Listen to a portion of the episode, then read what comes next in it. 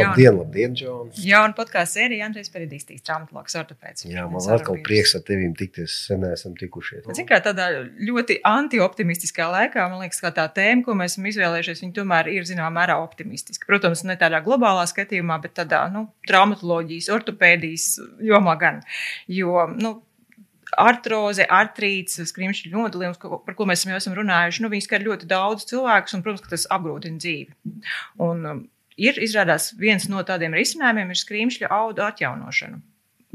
Redz, tas īsti nav par, par, par to dzirdēts, bet redz, mēs par to runāsim un runāsim par to, kā tas ir iespējams, mm. ko no tās tādas ķirurģijas var gaidīt, kādi ir tie risinājumi. Kā, jā, varbūt es sākšu to jautājumu, kāpēc par to ir tik maz runāts, kāpēc tā ir tāda tēma, kas. Nu, Man liekas, ka tad, kad ir artroze, tad tas ir, tas ir tāds vienvirziena ceļš, ka tur nav risinājumu. Kāpēc par šo tēmu īsti nerunā? Nerunā, nē, es domāju, ka tieši otrādi runā ļoti daudz. Vienkārši nu, mēs jau vairāk nodarbojamies šeit ar ķirurģiju.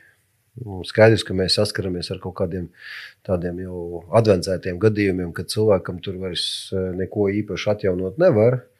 Un kad var tikai palīdzēt viņam eh, aizvietojot locītavu ar jaunu mākslīgo. Teiksim. Ja runiet par locītavu, mēs arī par viņām par viņam runāsim. Jā. Un, ja mēs runājam par skrimsli, tas ir viens no tiem audu paveidiem, tas pat, eh, kurš ir nu, priekšlocītavām, ir nu, ļoti svarīgs. Tātad, ja nav skrimšļa, nav amortizācijas, nav locītavas. Ir sāpes. Un, jā, un nav kustība droši vien arī diezgan.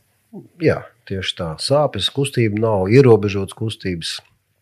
Cilvēki absolūti dažādi reaģē uz to, kā tas viss ir. Cilvēki, kuriem ir teiksim, termināls nodilums, tad ir locītavā, bet tā pašā laikā viņi turpina viņu pielietot un diezgan efektīvi savā dzīvē. Ja? Bet ir cilvēki, kuriem pavisam niecīgas izmaiņas var radīt tādas sāpes, ka viņi nav spējīgi ar to locīto sadzīvot. Ja skrimslis ir slims, Tas, eh, tā, to var iedalīt, to, to, to, to slimību vai to bojājumu var iedalīt vairākās grupās. Tad, tad var būt tāds kronisks bojājums saistīts ar kaut kādu slimību, un varbūt akūts, kad cilvēks nu, nezinu, nokrīt, sasit celu un viņam izkrīt ārā kaulu, kaulu gabals ar skrimslu vai vienkārši pliks skrimslis. Nolobās nost un ir bojāts. Un tad mums ir problēma. Tad, tad jauniem cilvēkiem dabiski parasti tie ir tādi lokāli bojājumi, kad locītos virsmai ir viens parādījies nezinu, caurums vai defekts, kuru mēs varam salabot. Nu, pastāst, jo vispārējais no jo pār, jo, nu, to var bieži vien salabot ķirurģiski, jā, jā. ja tādu defektu var aizlīmēt ciet ar speciāliem sintētiskiem materiāliem. Viņi ir daudz un dažādi. Es neiešu tagad konkrēti reklamēt, ko mēs izmantojam, bet ir ļoti tādas atstrādātas dažādas metodas, ko mēs pielietojam priekš tam, lai teiksim, to defektu nosegt. Un tādā veidā panākt, lai tas defekts nekļūst arī turpmāk lielāks. Jo problēma ir tāda, ka, ja locītos virsmā ir parādījies defekts, jūs varat iedomāties sienu ar apmetumu. Tagad apmetumam vienā vietā parādās caurums. Parasti tas caurums kļūst lielāks ar laiku, jo tās malas tam apmetumam ir parasti trauslas.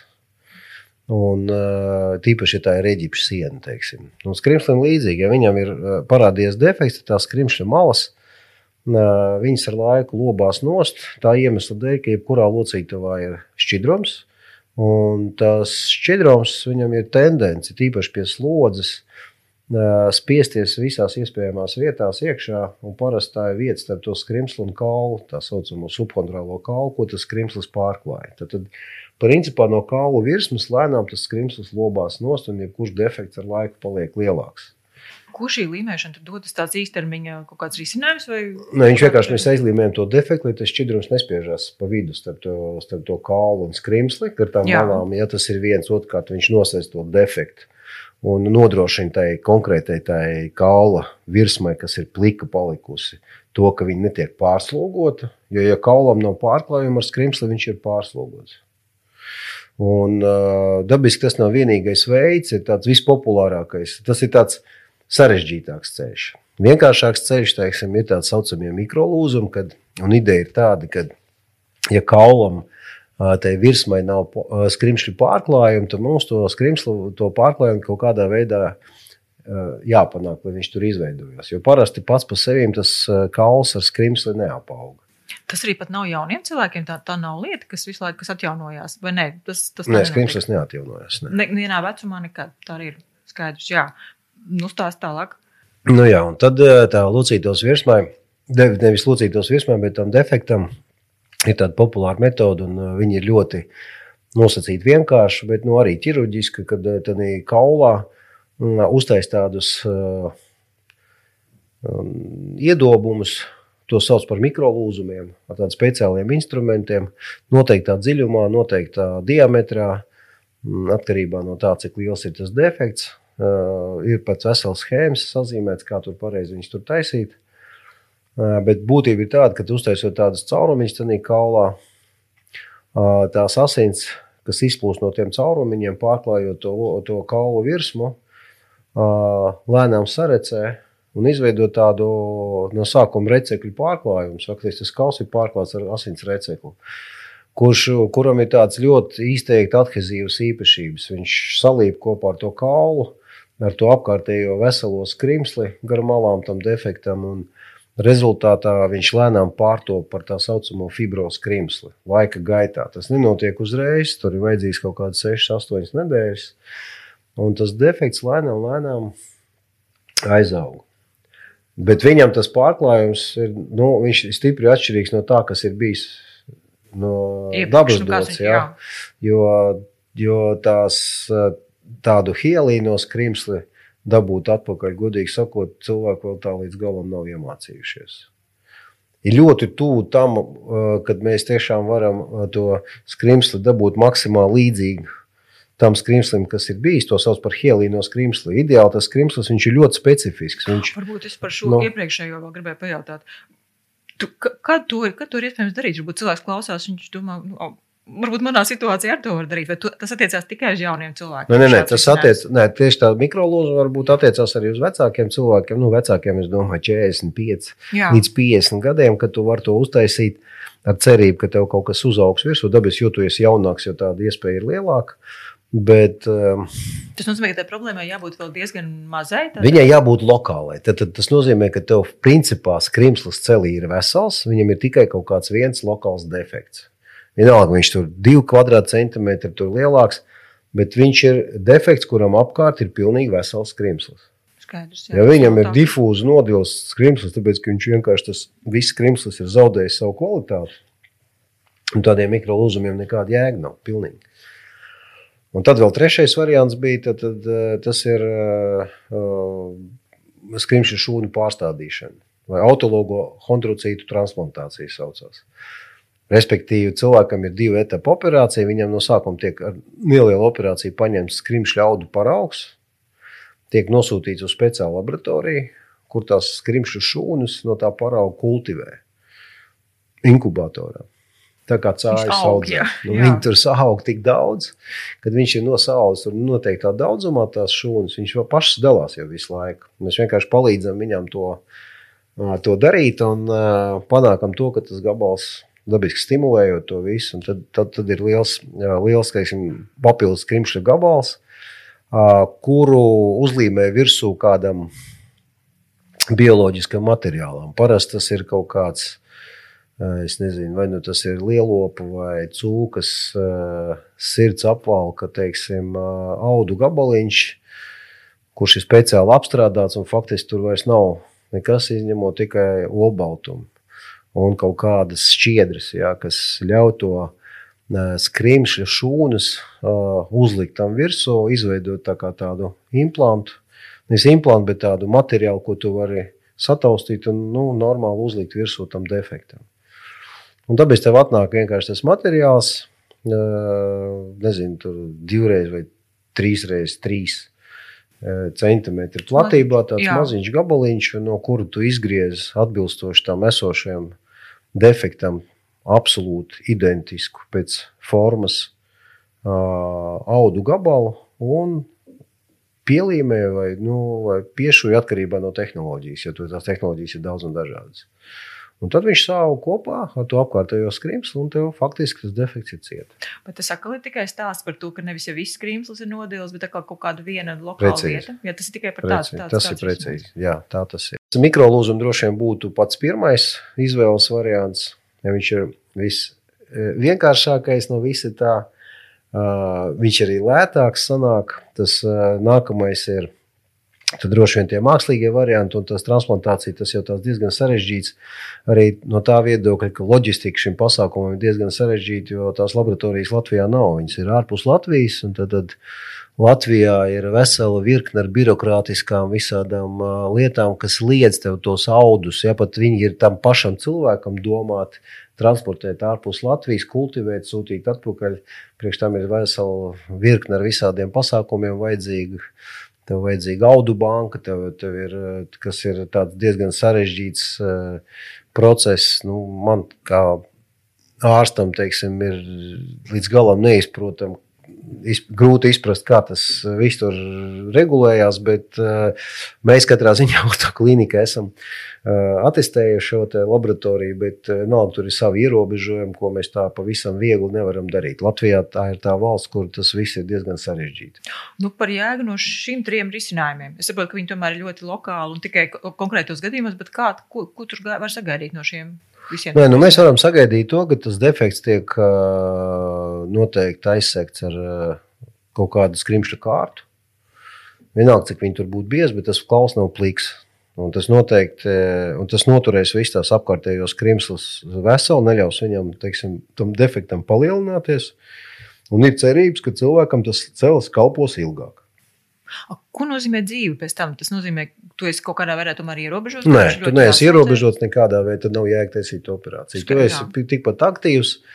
Vajadzīgs laiks, dabiski, ja mēs runājam par laikiem, tad nu, tas ir no pusgada līdz gadam, iespējams, pusotram, ja, kamēr cilvēks maksimāli labi atjaunojās un skrimslis ir īpaši.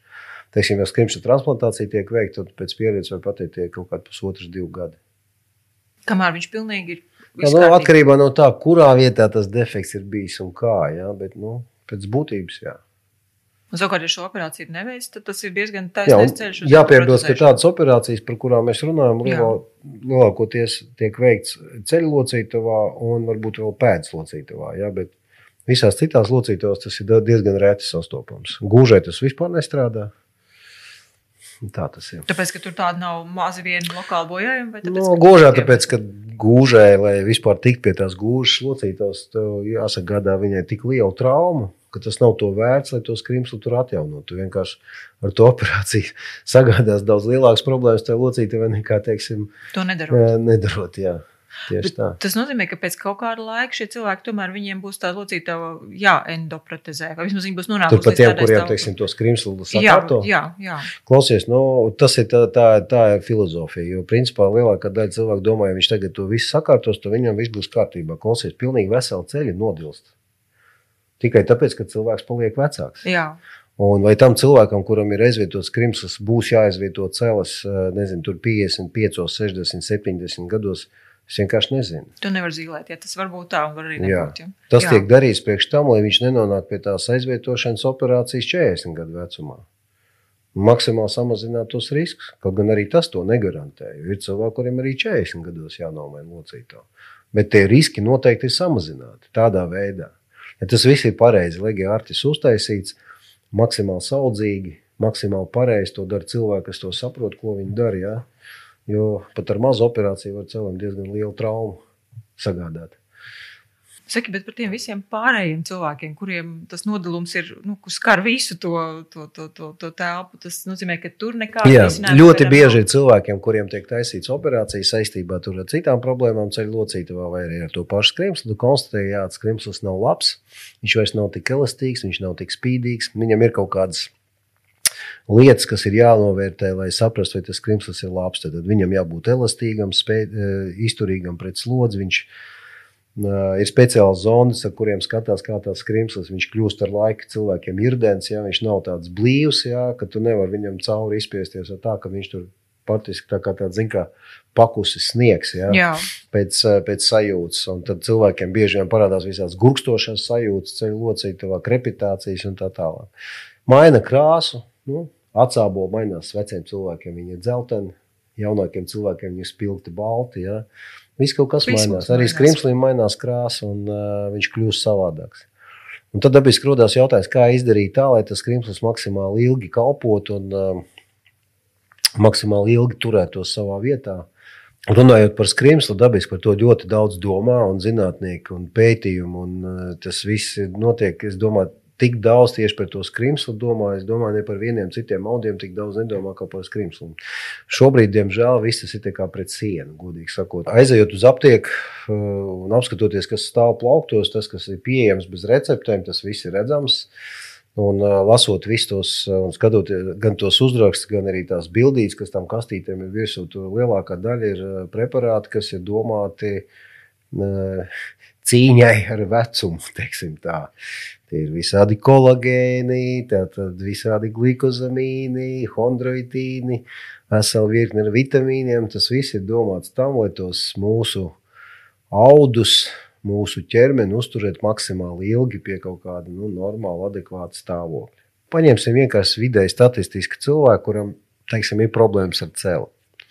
Nu, tev ir divas iespējas. Tu vari pilnīgi ignorēt visas tos iespējamās lietas. Un pateikt, ka man tas viss nav vajadzīgs, es vienkārši turpināšu dzīvot tā, kā es dzīvoju. Uh, bet otrs variants, tu vari tomēr kaut ko darīt lietas labā. Tu vienalga paliks vecāks, skaidrs, ka tas cels visdrīzāk paliks ne tik labs vai to gūži, vienalga kā citu locītā. Bet uh, tomēr ir iespēja darīt tās lietas labā, pat varbūt simtprocentīgi nebūdams pārliecināts par to, ka tas dos kaut kādu efektu. Uh, Visam jābūt samērīgam. Skaidrs, ka ir biznesa, tā saucamais medicīniskais, ir daudz, daudz visādi piedāvājumu tirgu attiecībā uz uzturbagātinātājiem. Mēs redzam, plauktos vienkārši daudz dažādas. Un katru mēnesi piezvan kāds kārtējais cilvēks, kas ir atradzis kaut kādu jaunu uzturu bagātinātāju kaut kur ārzemēs, domājot, ka tas ir Vācijā, aptiekā nopirkt, tas ir kaut kāds labāks nekā viņš šeit. ir šeit. Ja? Tad, tad jāsaprot viena lieta, ka no glikozamīns paliek glikozamīns vienalga, kā viņš ir iepakots kapsulā, pulverī, tabletē. Iespējams, ka kaut kādas uzsūkšanās iespējas ir labākas, ja tu dzer to pulverī vai kapsulā, bet rezultāts ir tāds, ka tas glikozamīnam pēc idejas vajadzētu nonākt asinīs un veicināt skrimšļu atjaunošanos. Tātad nu, tāda absurda reklāmas raksti, ka tur rāda to pilnīgi nodulušu celu un pēc glikozamīna lietošanas tas cels ir, celī ir izaudzis jauns skrimslis, tas ir pilnīgs absurds.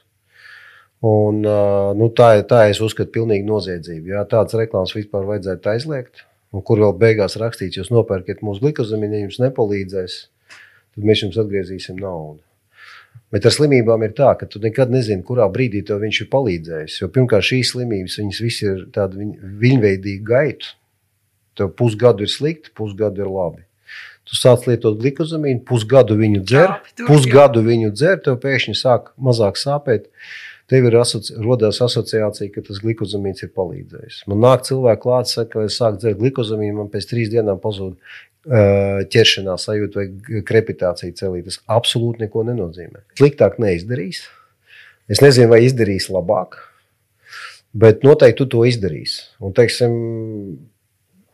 iedomājieties situāciju, teiksim, pēc 20 gadiem pēkšņi atzīst, ka.